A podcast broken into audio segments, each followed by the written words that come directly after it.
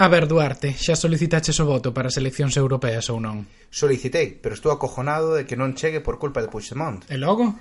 pois como non estaba claro se se podía presentar ou non e houve moitos moitos procesos, moito tirada frouxa, tardaron en sair as papeletas do Estado español, están en tránsito, non sei se van chegar a tempo a ver, ou non. Malo será que queden sin votar todos os emigrantes por culpa de Puigdemont, que sí, xa era o que, que lle falta... faltaba, non, a Puigdemont, que agora odiemos, odiemos todos os emigrantes, non só por romper España, sino tamén por non deixarnos votar. Exactamente. E ti que?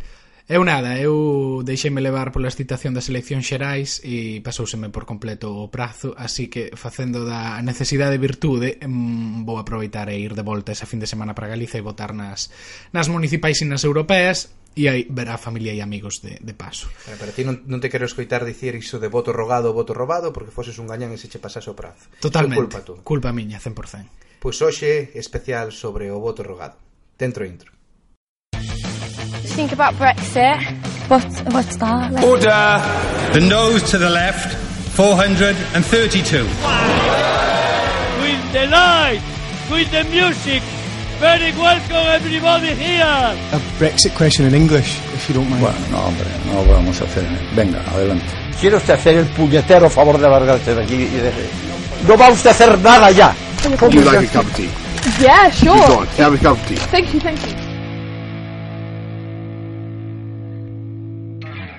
Ben, pois hoxe imos romper un pouco o formato tradicional do Te con Gotas para facer un programa especial e abordar un tema que sempre, bueno, pois está de actualidade cando chegan as eleccións, neste caso as eleccións xerais que tivemos en abril e as eleccións europeas que vamos ter agora en maio. E é o asunto da participación mm, política das comunidades de, de emigrados. España tivo tradicionalmente un pasado controvertido nesta cuestión, non? Aí están as historias dos mortos votando desde Argentina, da, do tráfico de sacas de votos eh, desde Latinoamérica, tanto para as eleccións galegas como para as eleccións estatais, e de, desde 2011 ca última reforma legal a cuestión do, do coñecido como voto rogado que, bueno, foi especialmente polémico entre as últimas vagas de, de emigrantes, especialmente dos que, dos que foron a Europa a raíz da crise, da crise económica, porque introduciu eh, pois máis trabas administrativas puxo certas dificultades para, para exercer ese dereito ao voto.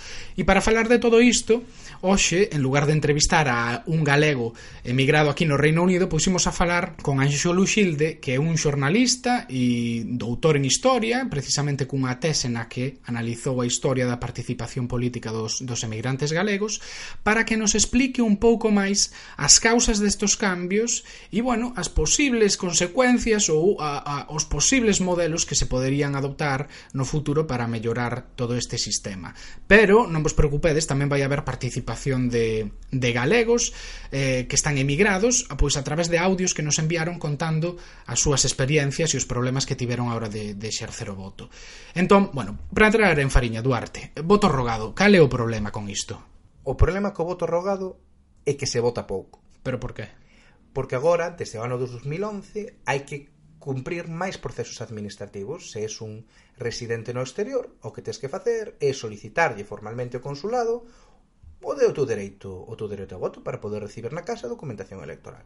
Claro, pero e antes de 2011 como funcionaba? Claro, antes de 2011 houve varias reformas electorais e seguramente despois cando falemos con Luxilde cubrirá máis iso, pero fundamentalmente a clave que chegaban a casa toda a documentación electoral, todas as papeletas, todas todos os sobres de votación, e entón calquera persoa que tivese acceso a ese sobre que chegaba ás casas podía votar, sen necesidade de que se pudese identificar que a persoa que estaba votando era realmente o elector. Para entendernos, era, era, un, era un fajo con todas as papeletas, non era propaganda electoral que recibimos sí, sí, sí, nas claro. casas, non? Claro, claro, é parecido que ao que chegan ás casas cando alguén solicita o voto por correo, pero coa diferencia de que non te tens que registrar co DNI, sino que simplemente isto se podía enviar eh, podía enviar o teu cuñado, podía enviar un familiar ou como pasaba en moitos casos en Sudamérica, podía ser que esas papeletas nunca chegasen á túa casa, sino que quedasen interceptadas nos servizos de correos e que despois se compra, comprasen e vendesen as sacas de estas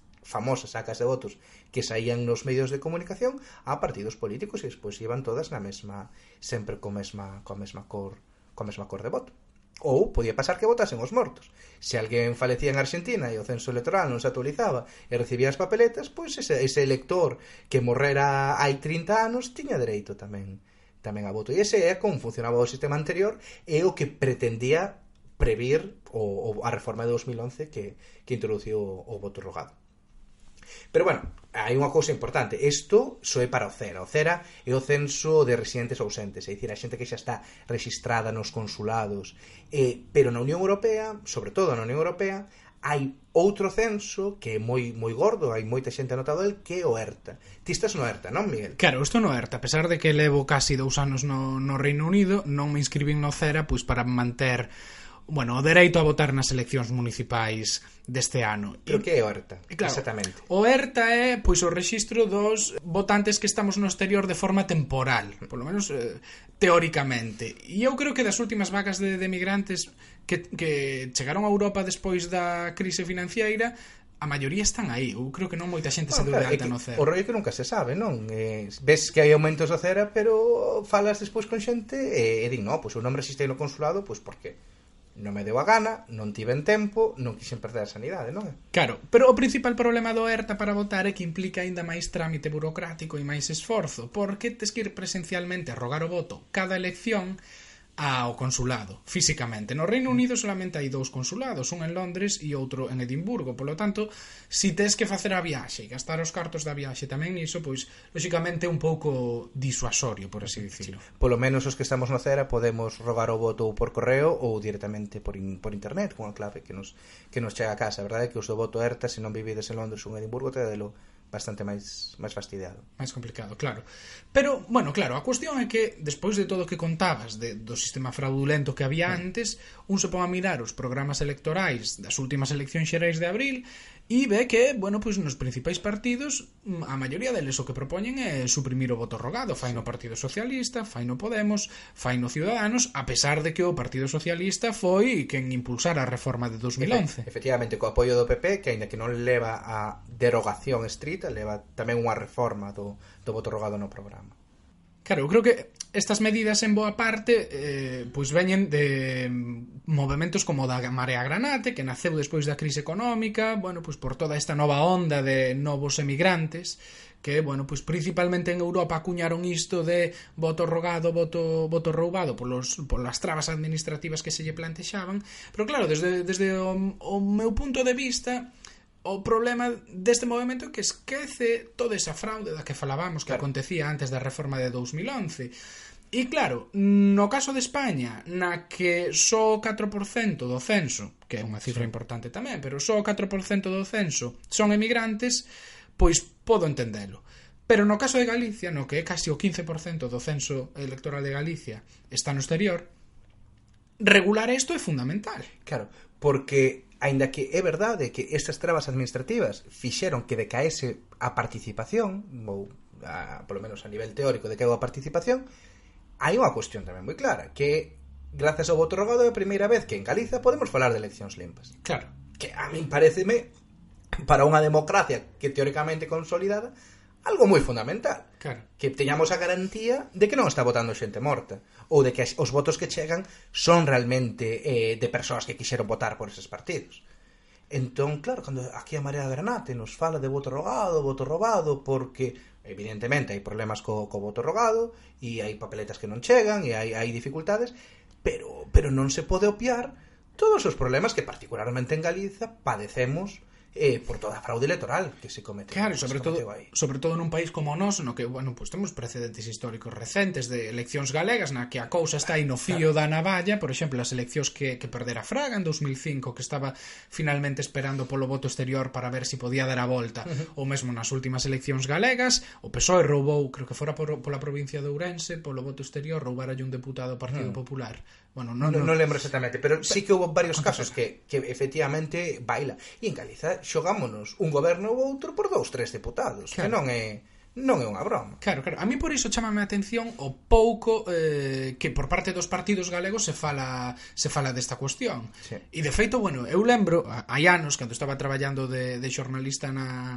na Coruña de ter entrevistado a un candidato a deputado no Congreso dos Deputados e preguntarlle... A día de hoxe deputado, non? Eh, sí, e preguntarlle expresamente po, pola cuestión do voto rogado e non sabía que era o voto rogado e estaba no programa, pero bueno, pois era unha desas propostas que introduciron porque era a petición da Marea Granate pero pois no caso galego mellor non é a, a mellor idea efectivamente, ou polo menos se, se vas a propoñer a derogación do, do voto rogado concretar un pouquiño que vai ser a tua alternativa Claro. E que vas a facer para dar garantías suficientes e facer que non voten o, que non voten os mortos. Eso como eu é o mínimo que lle pediría que pediría un partido. Claro, porque aquí tampouco estamos defendendo que o sistema actual é perfecto. Pois para nada, de feito é bastante imperfecto, pero eu eu creo que non é tanto polo propio concepto do voto rogado ou pola idea de que se queres votar o tes que solicitar, como por unha execución moi pobre. Por dous, para min por dous motivos. Un, é que os prazos para rogar o voto, recibir as papeletas e mandar as papeletas é moi curto, e como dependes moito dos servizos de correos eh, dos países estranxeiros e algúns que teñen uns servizos de correos bons e outros que son un desastre. Entón precisas realmente dar algo máis de tempo para que a xente poda mandar as papeletas en tempo. Hai moitísimos casos de xente a que non lle chegan as papeletas. E iso non debería de ser así. Hai que dar prazos que sexan máis realistas. Ainda que haxe que agardar ou que convocar as eleccións antes, non pasaría nada.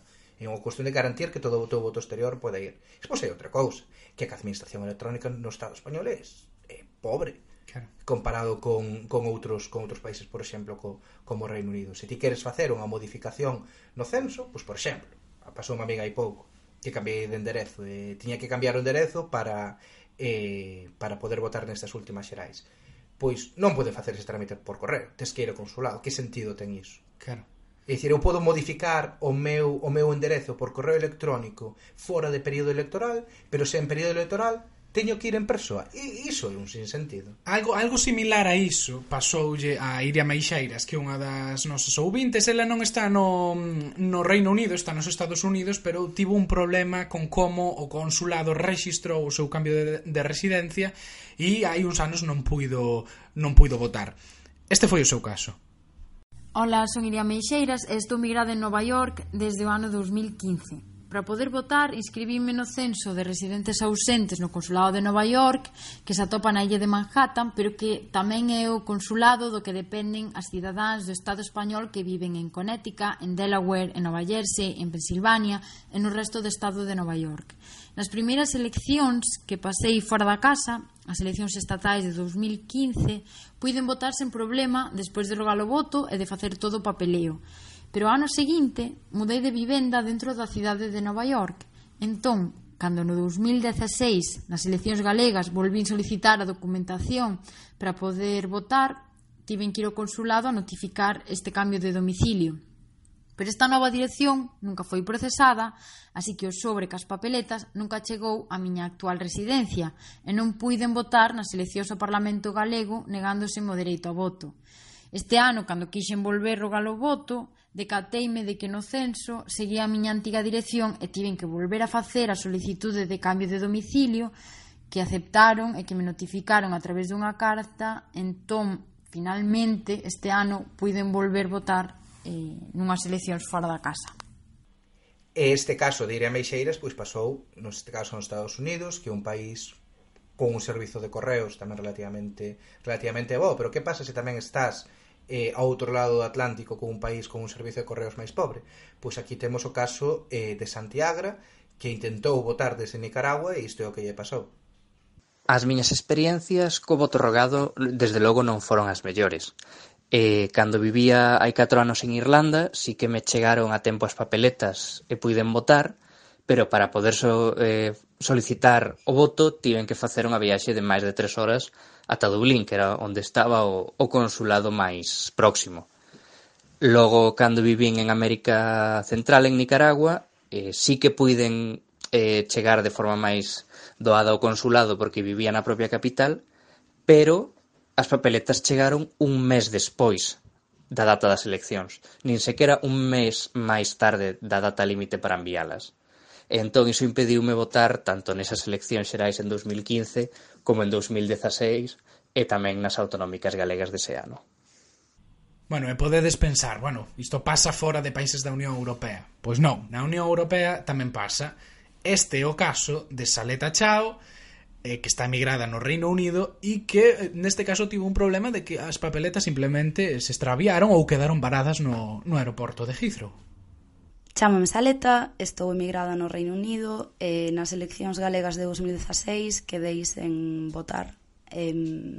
Eu solicitei o voto no Consulado de Londres e o propio día que abriron as, as solicitudes eh, pero o meu voto non, non me chegaba eran quedaban uns poquinhos días para as eleccións e o voto non chegou Entón, pois, no consulado non me deron ninguna solución, ninguna resposta de por que podía ser e contactei directamente coa delegación provincial en Pontevedra.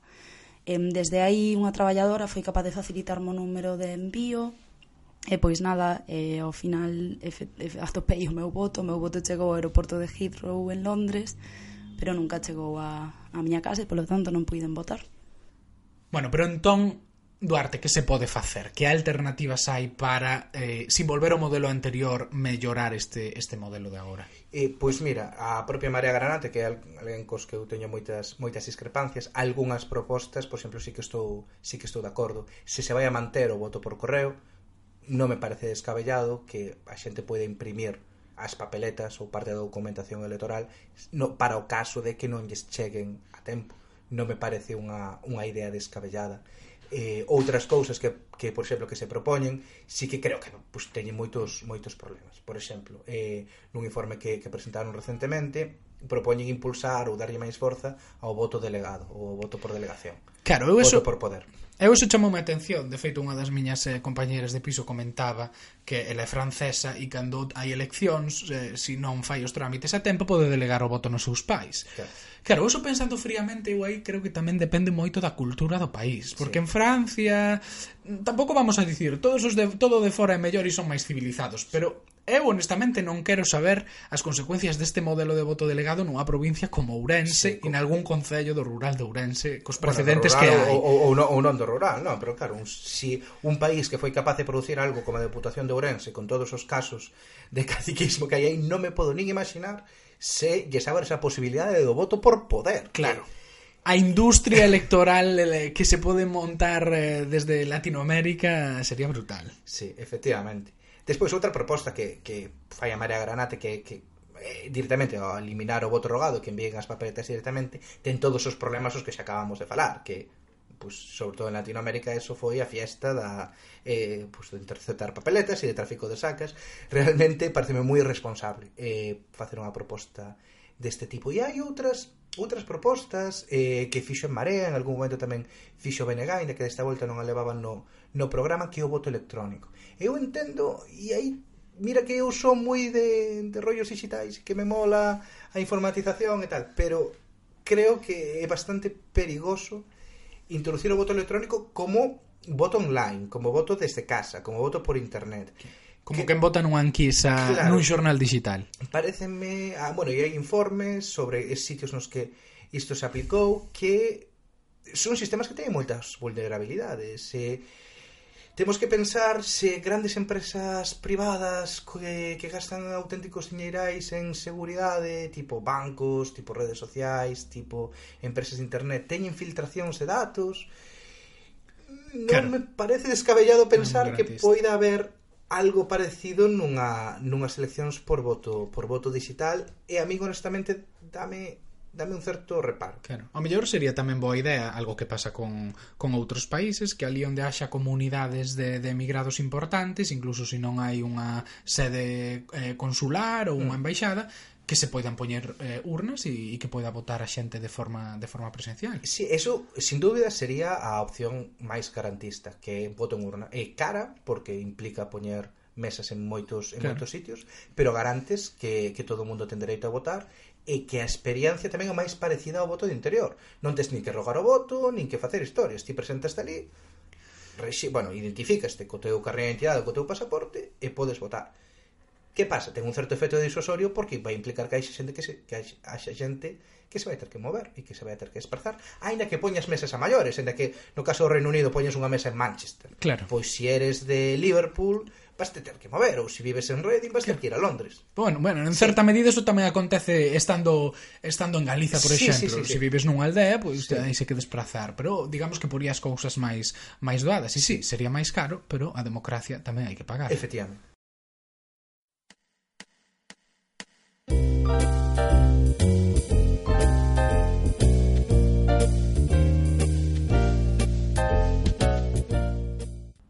E para falar de voto emigrante, pouca xente sabe máis eh, en Galiza ca Ánxolo Xilde. Ánxolo Xilde xornalista, corresponsal de La Vanguardia en Galiza, eh, doutor en Historia Contemporánea cunha tese sobre a participación política dos emigrantes galegos. Hai uns anos escribiu un libro chamado O voto emigrante, viaxe pola zona escura da democracia española, no que per, facía un percorrido eh, sobre a historia da participación política das comunidades emigrantes e as distintas alternativas legislativas que houbo para, para canalizar a participación eh, democrática do, do voto exterior.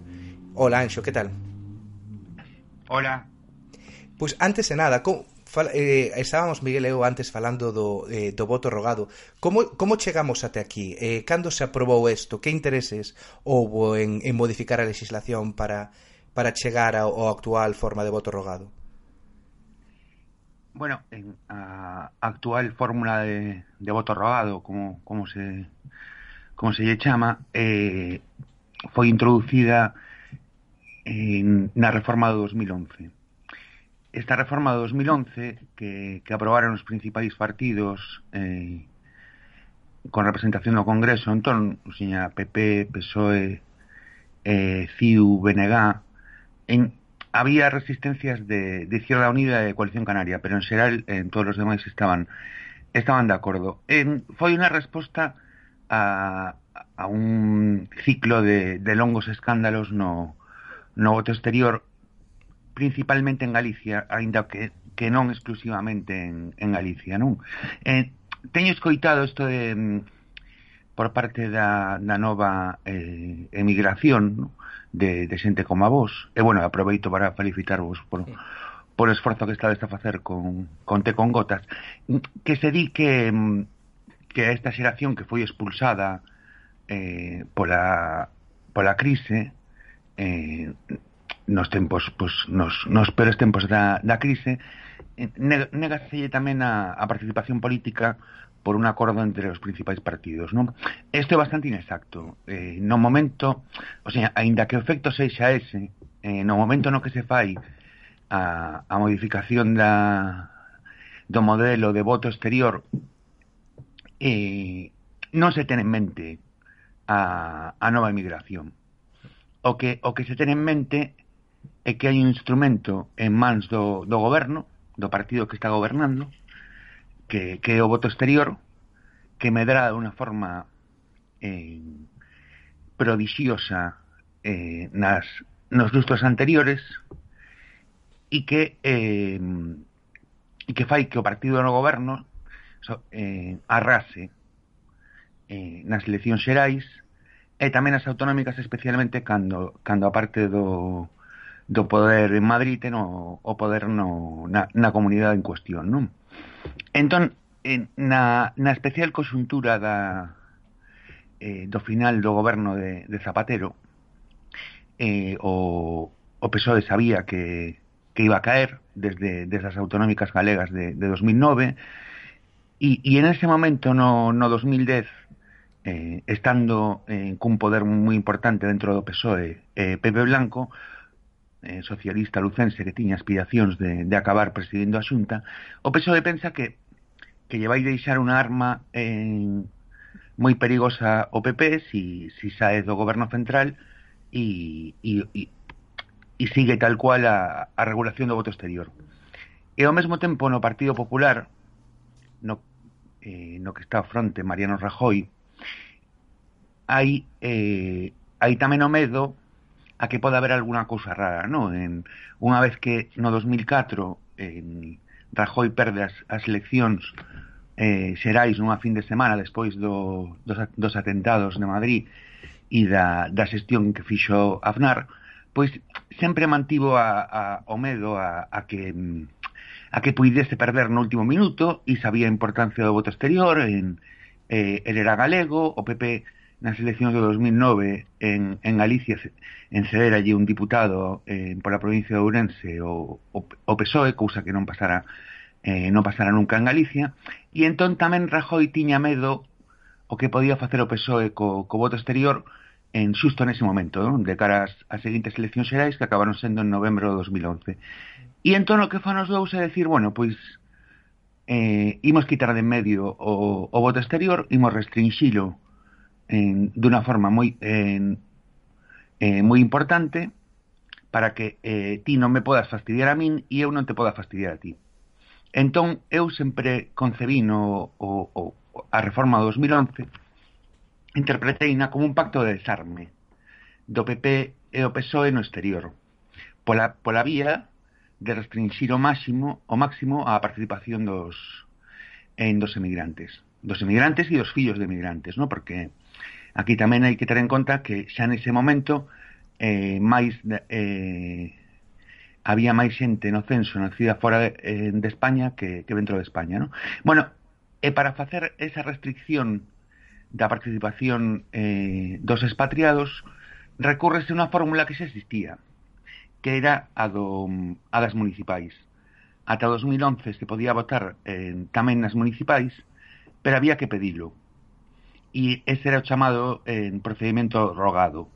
Eh, era baixísima a participación, a pesares dos grandes esforzos que facían os alcaldes, en presidentes da Deputación como Rafael Louzán de Pontevedra, naquel momento que, que facía comidas pagadas en na Argentina na que había unha cousa sempre un, un instrumento para unha comida moi interesante, que era unha fotocopiadora. Hmm. Sí. Entón había unha fotocopiadora ali porque se fotocopiaban os pasaportes e se pedía o, o e, e pedíase o voto eh, xa directamente a unha sede do PP ou de unha entidade relacionada con PP. Bueno, pois pues, aínda así a participación era era moi baixa neste entorno que está que está agora no resto, eh, no 5 ou 6.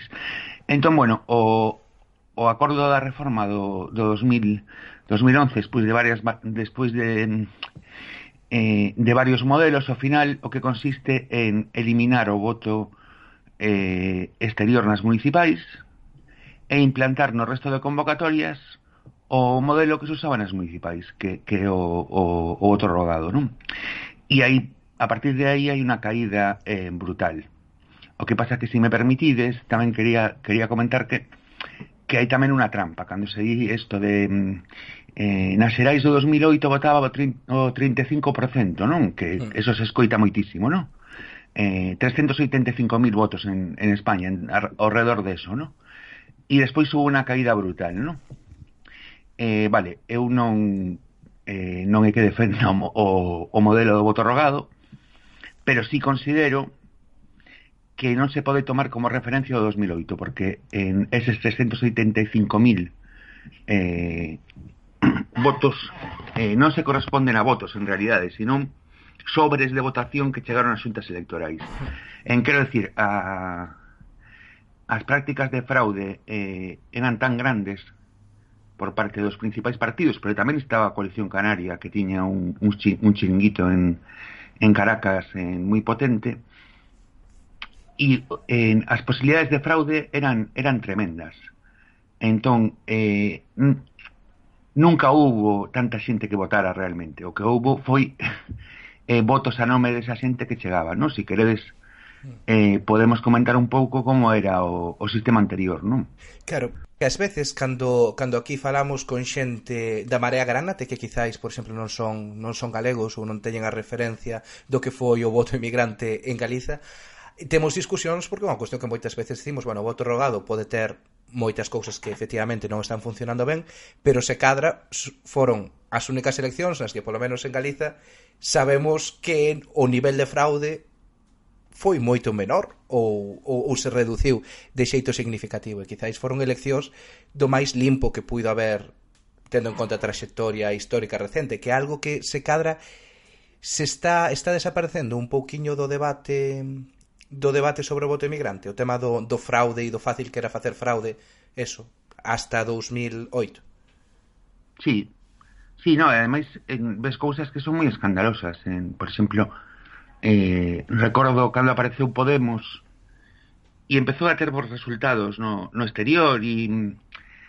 e bueno, incluso antes de, de bons resultados eh, antes de gañar en porque aí gañou nas, nas andaluzas do 2015 non e a partir de aí empezou, en, empezou a gañar nas, nas xerais non? Ata, ata agora que gañou o PSOE pero aparte de eso hubo unha, difus unha difusión moi forte do, da idea de Podemos no, no estranxeiro, que supoño que vos eh, vistedes tamén, non? Que uh -huh. se crearon moitos círculos de Podemos sí, en, uh -huh. eh, no Reino Unido, en, en Alemanha, non? E entón recordo desa época unhas declaracións de Íñigo Rejón eh, criticando o voto rogado e tomando precisamente como, como referencia o dato este 2008, que por cierto son, bueno, 382.000 568 persoas que segundo o Ministerio do Interior eh, en votaron votaron estas eleccións que constituiu o, o máximo histórico e era un 31%, non?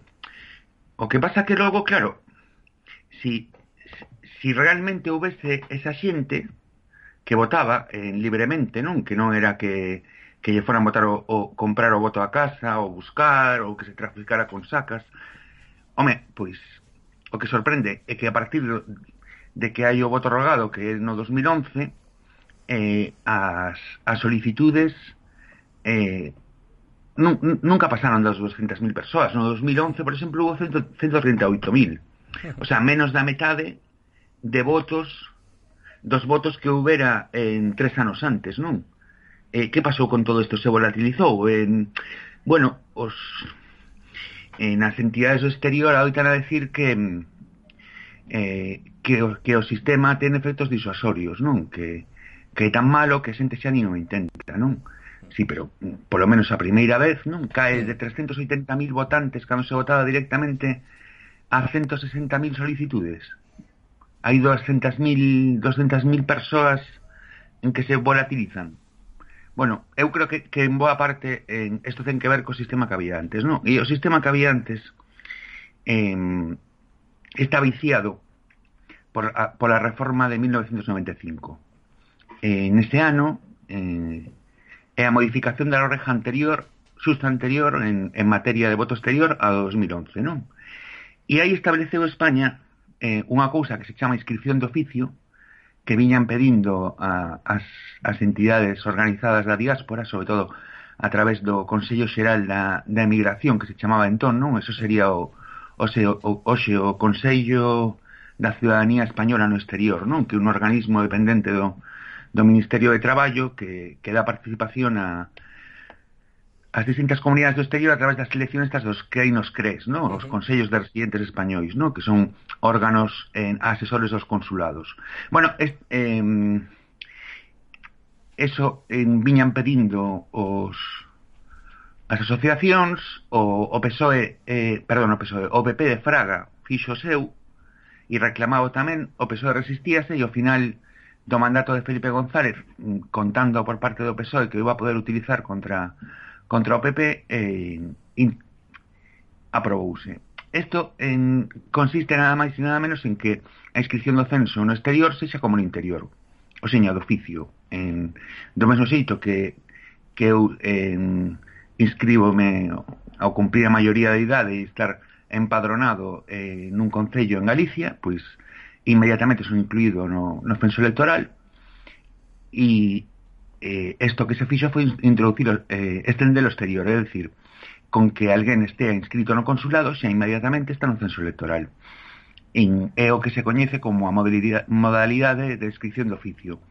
Hai outra que é a, a inscripción a petición do interesado, que hai a que por exemplo hai nas eleccións do, no Reino Unido en no interior, non? Que se si queredes hmm. en votar no Reino Unido tedes que, que inscribirlo, non? Uh -huh. O mesmo que, que, que sucede en Estados Unidos, non? Non sei se lembrades o de Obama que sí. En, que censa, que facía que animaba moito a que se inscribisen eh, pois eh, xente eh, nova ou afroamericanos, non? Este é o modelo a petición do interesado é o habitual nos, nos países anglosaxóns. O modelo de inscripción de oficio é europeo continental que é o español, non? Pero isto sempre falando para o, o, o voto, nor, digamos, o voto normal, o voto en doméstico, non? No voto, mm. no voto no exterior hai pouquísimos países que teñan isto da, eh, da inscripción de oficio. Eh, que eu coñeza, eh, o sea, que estean eh, identificados na, eh, na literatura científica, pois eh, España, eh, desde o ano 95, Italia, cando introduciu en, na década seguinte, en Perú, estaba Bielorrusia, últimamente se, se engadiu, eh, bueno, Bielorrusia co problem, cos problemas electorais que ten, e engadiuse Egipto, e, e haber algún máis que non, que non está identificado, pero en son moi poucos, o, o habitual, pois, como por exemplo, no Reino Unido, que ademais é un dereito que caduca eh, pasados uns anos de residencia fora, pero é, é a persoa eh, que quere votar do estranxeiro a que, a que ten que solicitar, non?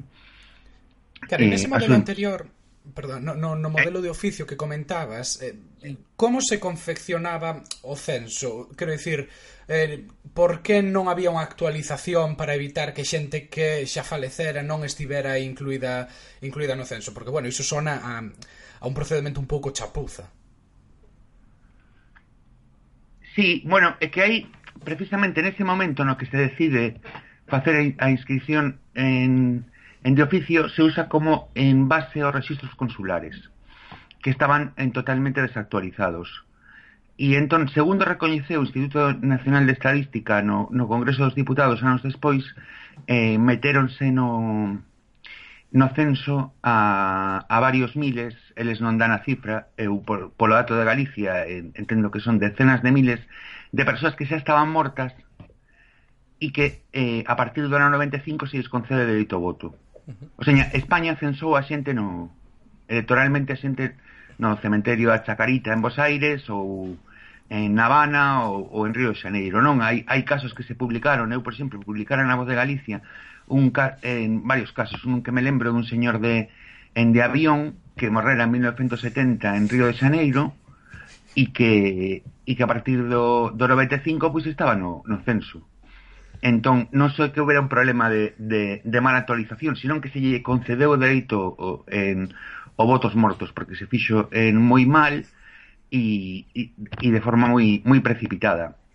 E entón, porque a partir deste de, de momento en, con tal de que estivera registrado no consulado e, e no consulado había dous problemas. Un, que os arquivos non estaban actualizados en no tempo e logo a partir de aí, cando a xente foi morrendo, tampouco se foi actualizando. Entón, efectivamente, en, había, había moitísima eh, xente que se... Bueno, moitísima eh, varias decenas de miles de persoas que xa faleceron e que teñan dereito ao voto. E, e como ademais o sistema era totalmente automático, o sea, unha vez que ti estabas no eh, registrado no, no CERA, censo eh, de españoles residentes ausentes o censo de electores residentes ausentes, en, en cada elección te mandaban automáticamente a, ao teu domicilio as papeletas, a documentación esta que, que se manda agora ao final, ¿no? Pois esta iba directamente a, ao domicilio que constaba.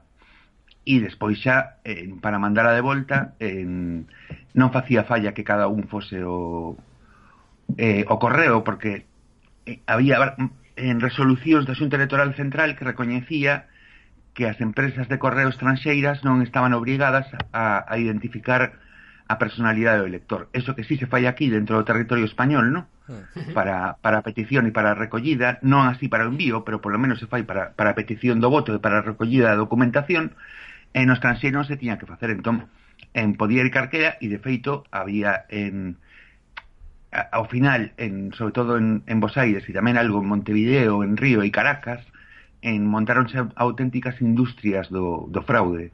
Eh, normalmente asociadas a, a gobernos, pero, bueno, en, cando, por exemplo, o, o PSOE era aliado dos, dos, en, na Argentina e é dos peronistas da esquerda, decir, de, de Kirchner e o PP era aliado dos peronistas da dereita, decir, de Menem, non?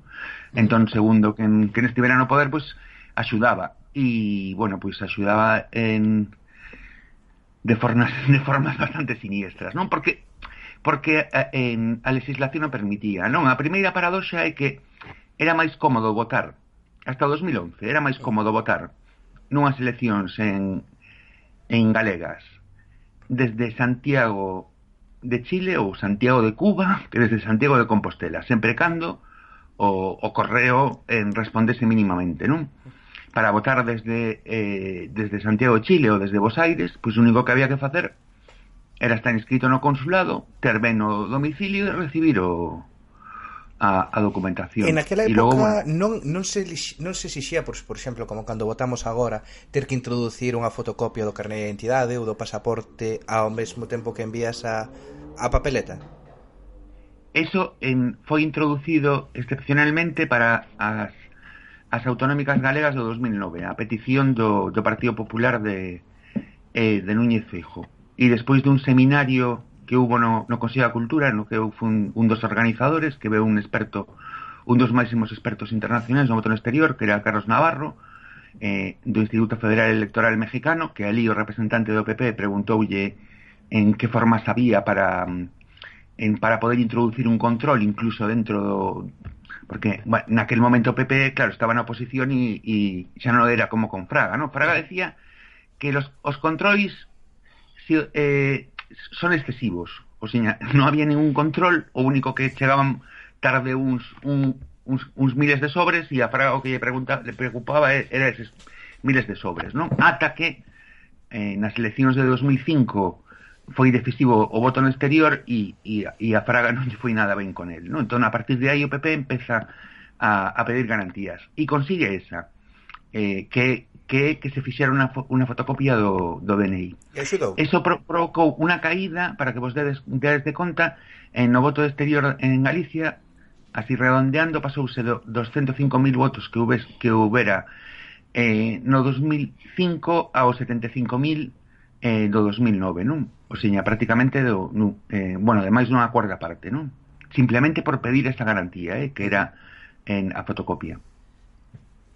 E antes falabas en, precisamente este, do... Eh, e iso estivo en vigor moi pouco tempo, porque logo xa, en, eh, xa, se, xa entrou a, a reforma 2011. Sí, perdón. No, dicía, antes falabas precisamente de outros eh, países que tiñan un modelo similar eh, ao que ten España agora mesmo. Ti que imagino que, bueno, coñecerás máis doutros doutros casos, e isto o mellor xa é unha pregunta máis sobre a túa opinión persoal. Que exemplos eh, pensas que son os mellores e que se poderían, bueno, pois importar para facer máis eficiente o voto da, da comunidade emigrante, na, no caso das eleccións españolas ou dunhas eleccións galegas?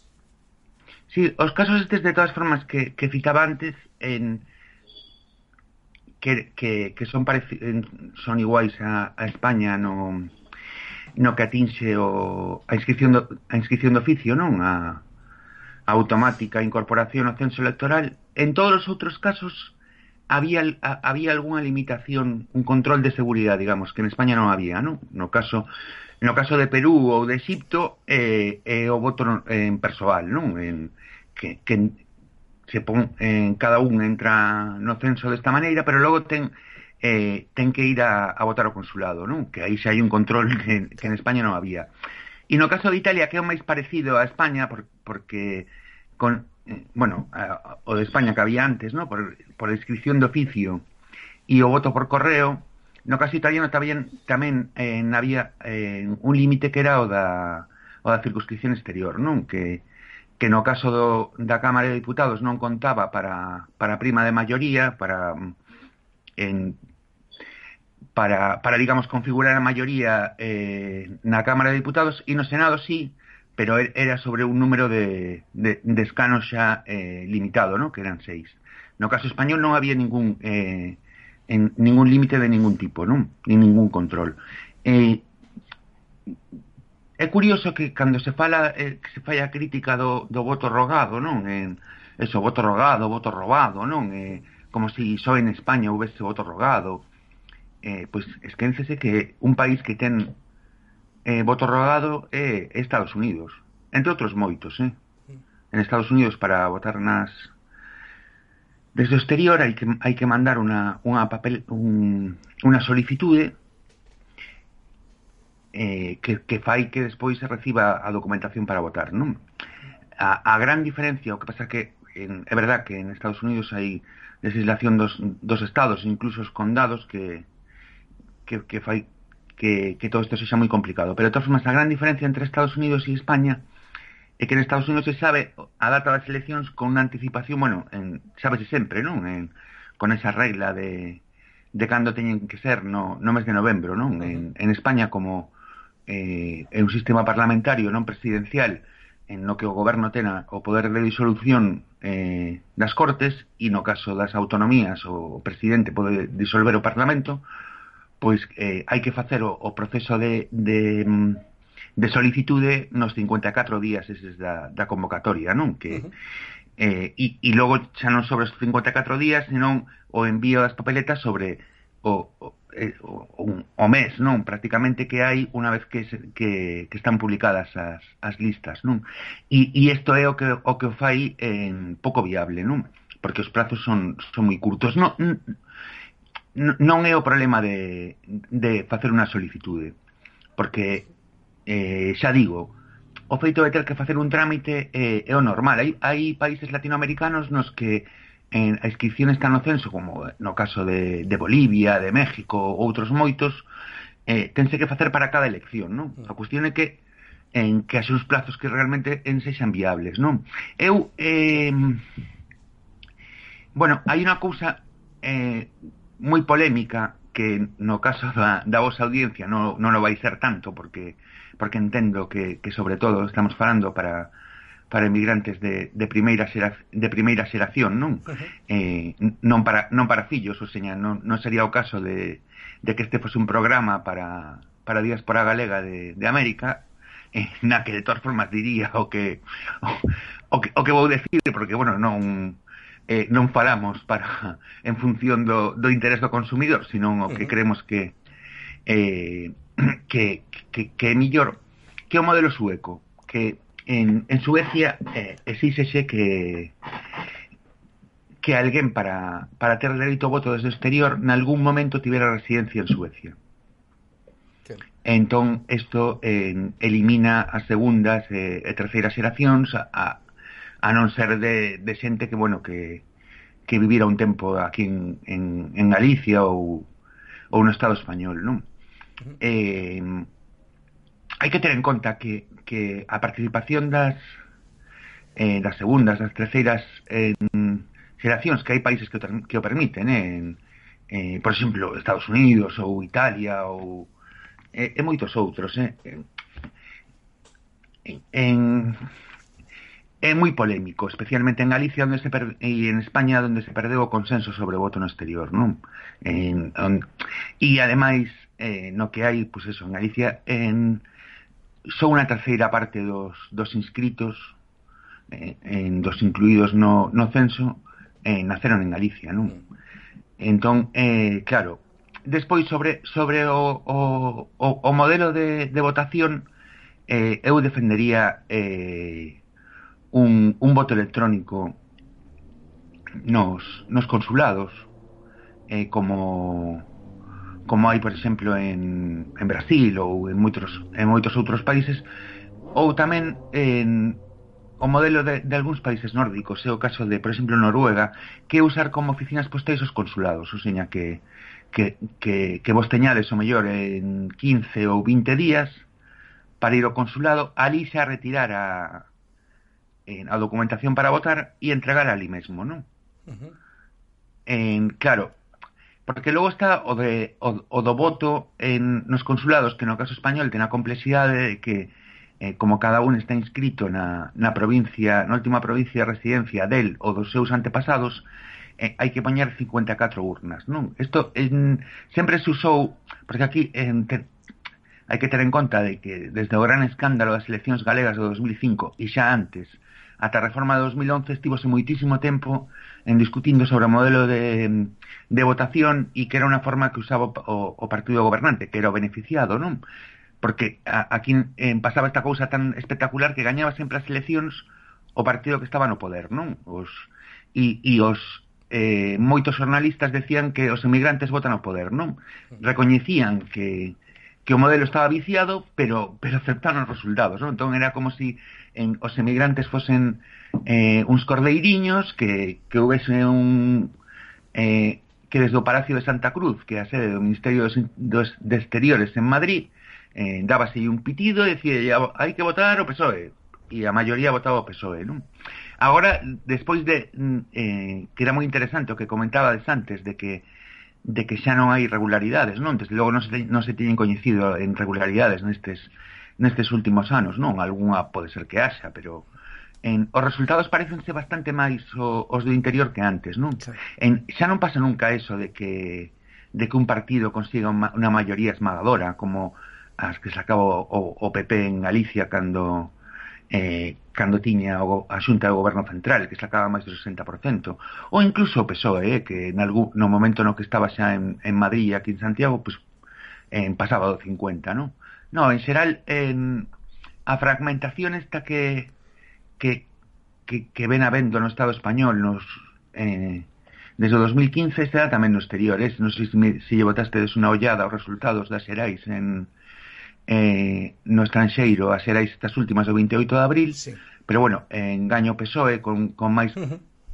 eh, cun pouco máis do que ten eh, dentro de España, E despois, bueno, están moi igualados os outros tres, non? En Ciudadanos, en eh, uni, uni, en esta orde, non? Unidos Podemos, Ciudadanos e Partido Popular. Sí. Eh, que non son non é exactamente o mesmo resultado que dentro, pero non ten nada que ver co que había antes, non? Que antes claro. sería pois pues, que o PSOE sacaría máis da metade, non? Sí, claro. E bueno, eh, desvíeime do que do que me pregunta, preguntabades, pero eu eu faría algo así, o seña, por unha parte, eh, eh limitar o, o voto, o dereito de voto os que, a, a primeira xeración, ou seña, exixir unha residencia previa no, no Estado español ou no caso de Galicia nas eleccións galegas, e logo usar como eh, como instrumento para, en, como lugar para votar, como centro de votación, ben sexa eh, cunha máquina electrónica que, que se poda facer durante 10-15 días para que sexa cómodo ou ben como oficinas postais eh, os consulados. De maneira que estea garantida eh, a personalidade do lector, ou seja, que, que quen vota é a persoa que, que ten o dereito a facelo, non? E aí, efectivamente, nunca se van a alcanzar os niveles de, de votación eh, eh, que houbo eh, nos anos dorados do, eh, do, da fraude no estranxeiro, non? Porque eso, tam, eh, eso non era real, non? O, o que sí, eu creo que hai que eh, garantir é que as, a, as persoas que saíron de aquí eh, especialmente en os os expulsados durante a última crise, pero tamén o, eh, o que queda da, da bella emigración a Europa dos anos 60, e incluso un pouquiño que queda da, da emigración americana, da última gran vaga de emigración americana en Galicia, que é a de eh, despois da Segunda Guerra Mundial, a partir do ano 48, estes son os nenos, os nenos que iban nos barcos, non? Porque uh -huh. da primeira xeración xa prácticamente eh, só quedan os nenos, non? Eh, pois que, que, que estas persoas teñan en dereito ao voto e que, e que o poden exercer, porque o, o problema actual do voto rogado é que España é un dos países do mundo máis generoso na concesión do dereito ao voto no estranxeiro, non? En, forma parte deste grupo que falábamos do, do voto rogado, e logo despois é o que pon máis trabas para exercer ese dereito. O sea, ten un censo absolutamente inflado, no que hai moitísima xente que, que se tivese que facer algún trámite, eh, que se tivese que inscribirse eles, non se inscribirían porque lle dá igual, hmm. Porque aquí, claro, sempre en, esto pasa en todos os países, eh? o, de, o, de, o decir, non, que todos os cidadáns residentes no exterior en queren votar. É mentira. Eh, hai unha parte organizada que, sí que quere, que quere votar e que ten moito interés e que e que está pues, en, disposto a defender o seu dereito que, que como vos en fai programas en, eh, bueno, fai xornalismo de distinto tipo sobre, sobre todo isto pero logo hai unha masa en máis ou menos grande que, que lle dá igual que, que, que está que está outras cousas e que, e que ni siquiera eh, que nin siquiera se entera de cando hai eh, eleccións. Por eso, eh, en, as proporcións de, en, de participación estranxeiro son normalmente baixas, a non ser que haxa pues, una, un, un, eh, posibilidades de inflalas como, como tiñamos en, en Galicia antes, non? Sí. Entón, en, en, eu creo que, que que non eh, que todos os emigrantes no estranxeiro queran participar, pero que sí, especialmente nun país de emigrantes como como é Galicia, o que hai é, é que eh, dar a, as, as fórmulas para que esa xente que sí quere participar que, que o faga e de unha forma eh, eh, democrática o que, o que non pode ser é que, é que sexa un, un voto que se compre o peso, o sea, como se facía antes, non? En, en Caracas e en Bos Aires en, ofrecíanse sacas de, eh, de votación, eh, unha saca podía ter 200 ou 300 votos por, por 50 dólares, non? eso, eso non se pode aturar. Claro, repasábamos antes Duarte máis eu un pouco eh, o que dicían os principais partidos nos seus programas electorais para estas eleccións eh, xerais e o que víamos era, bueno, pois que eran propostas bastante vagas, en moitos casos se falaba de, deroga, eh, de, de suprimir o, o voto rogado, pero tampouco se, se daba ningún tipo de alternativa Que opinión che merece a forma na que, bueno, pois pues está afrontando este esta cuestión por parte dos principais partidos? Ti pensas que faría falla un debate máis máis en serio? Eh, claro. Claro que faría falla. E, e, e o primeiro sería en eh, facer unha diagnose en caída do pasado, non? Eh, por eso facía tanto eh, fincapé no, eh, que os datos de 2008, que son os que se usan sempre como referencia, supoño que, que sempre escoitaríades eso, non? De, en, sí, sí. A partir de 2011 sí. no Estado español hubo unha caída hmm. en brutal da participación e a referencia era o, o dato do, eh, do 2008, que de, que de, un dato que de feito, eh, adulterado, inflado, eh, é, é democráticamente inaceptable, non? No programa de, eh, de, de, de Podemos está o dato o dato tal cual, témolo aquí aberto e e no, no, no punto no que falan da eliminación do voto rogado utilizan e citan as eleccións de, de 2008 como, como referencia o 31% previo á reforma que cae o 4 ou 6 nas últimas eleccións xerais Claro, en, e, e Podemos era a forza que viña gañando no, no exterior, no claro. 2015 no 2016, o sea, en, eles, en, eles, porque no, no que o que hai, bueno, o que hai sempre cando se fala de sistemas electorais e de modificación de elementos do sistema electoral eh, é unha avaricia total por parte dos partidos, non? Pero no caso do, do exterior é, é, é aínda máis e é máis máis descarnado, non? Porque eh, primeiro, o voto no exterior é, é contingente, digamos, non? Eh, ni, ni, ningún país deixa de ser democrático por non ter voto no exterior. Eh, por exemplo, Grecia non o ten e podemos discutir aquí sobre a calidade da democracia en Grecia, o feito de que de que en Grecia en se tomaran decisións que logo a, a troika eh, fixeran, fixo que non, que non foran a ninguna parte, pero, pero eh, non no se cuestiona a, a democracia en Grecia, ou en Irlanda, eh? en Irlanda non hai voto no exterior tampouco, non? Eh, é verdade que nas, na, nos últimos lustros e décadas cada son máis eh, nos os países que recoñecen o, o voto no exterior e hai maioría de países con voto no exterior, pero, pero non é un requisito para, para democracia, non? Eh, e despois tampouco hai un estándar internacional de como deba ser o voto no exterior, non? E, e, e cale a cantidade de...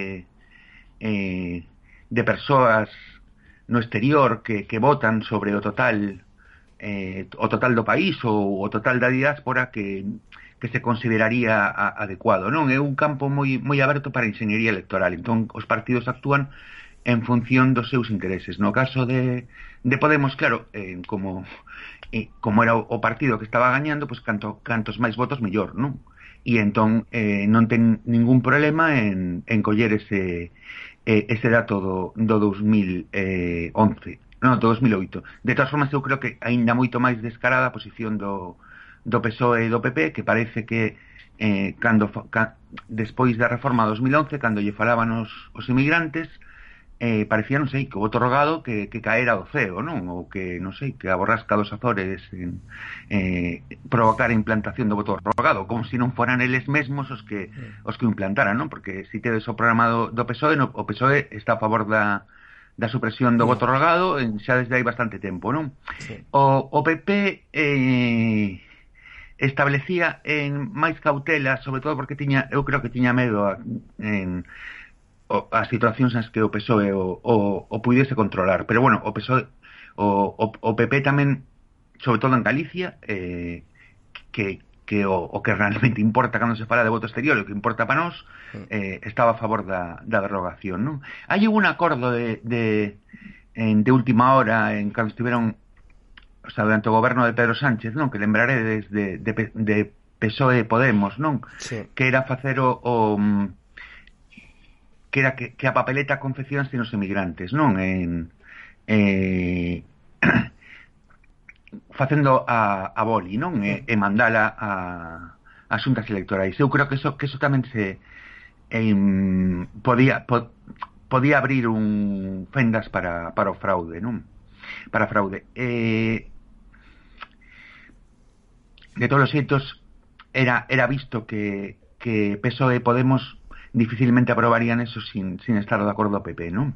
A parte agora, eh, a cousa tamén se complicou porque eh, está en cuestión o, o propio sistema electoral eh, español, non? Cada vez hai bueno, nestes últimos nestes últimos ciclos electorais en, eh, en torno a un tercio do, do Congreso demanda eh, a modificación do sistema para facelo máis proporcional, non? sobre todo por parte dos partidos castigados que son eh, neste momento, pois nestas últimas eleccións foron en Podemos e Vox e, e Ciudadanos en, esta vez non foi castigado pero sin as dúas anteriores non?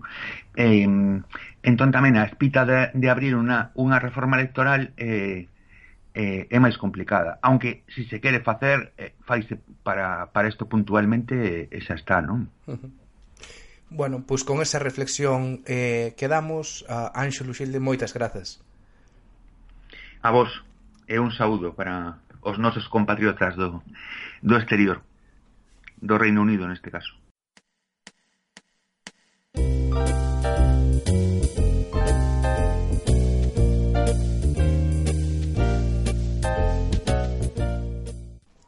Ben, pois neste Te con Gotas especial queríamos rematar tamén dunha, dunha forma especial, porque claro, nós como votantes eh, no, estranxeiro, eh, no estranxeiro temos unha opinión forte sobre sobre este tema. Por tanto, claro, o voto rogado. O voto rogado baixo o noso punto de vista é moito máis garantista que o sistema anterior, lóxicamente ten moitos defectos, hai moitas cuestións que se deberían corrixir, pero especialmente sendo galego sabemos das consecuencias e tememos das consecuencias de que volver o, os, que volver o sistema anterior pode ter na calidade da nosa democracia.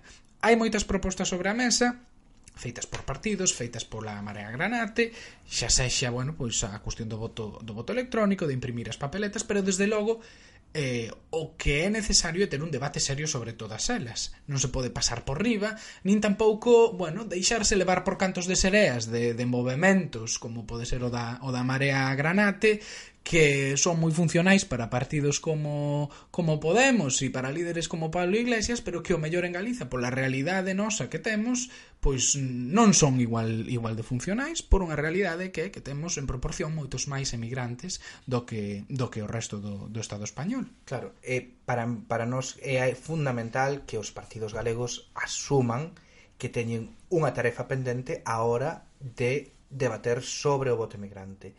E non só sobre o xeito de votar como é o voto rogado ou, ou o voto electrónico ou o voto en urna senón tamén sobre quen queremos que votes quen queremos que faga parte do censo electoral.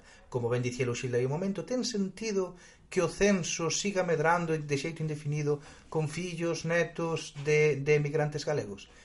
Pois, a ver, nos creemos que non. Se ben parecenos fundamental recoñecer o papel que xoga a emigración no noso país, eh, que seguimos conectamos conectados con Galiza, que queremos dar a nosa opinión, porque tamén moitos queremos incluso volver, ou, ou temos unha visión sobre o país que queremos, pero fillos e netos, pois se non teñen ese vínculo de ter vivido en Galicia, pois quizáis non teñen que, que ter de entrada ese dereito a voto, non ser que, pois como comentaba antes o Xilde, residan, residan un tempo ese é algo que temos do que temos que falar, do que hai que falar seriamente en Galicia. Claro, e aproveitando ese debate, pois se cadra tamén hai que abrir outros relacionados con quen ten dereito a votar eh, residindo na propia Galiza. Pois, por exemplo, os inmigrantes que, a pesar de traballar, de facer vida ali, de pagar os seus impostos, non teñen dereito ao voto. Ese hmm. no, taxation, taxation, no taxation without representation que, que berraban os colonos británicos nos Estados Unidos, non? Sí, efectivamente. Es, ese principio eu creo que sigue que sigue operando e algo que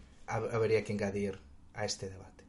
Pois ata aquí o especial de Té con Gotas. Esperamos que vos tivese gustado e que non se vos fixese moi longo. Sabemos que desta volta nos pasamos un pouquiño na, na longitude, pero para dentro dúas semanas xa volveremos ao noso formato habitual de entrevistas e, e nada, agardamos vervos a próxima vez.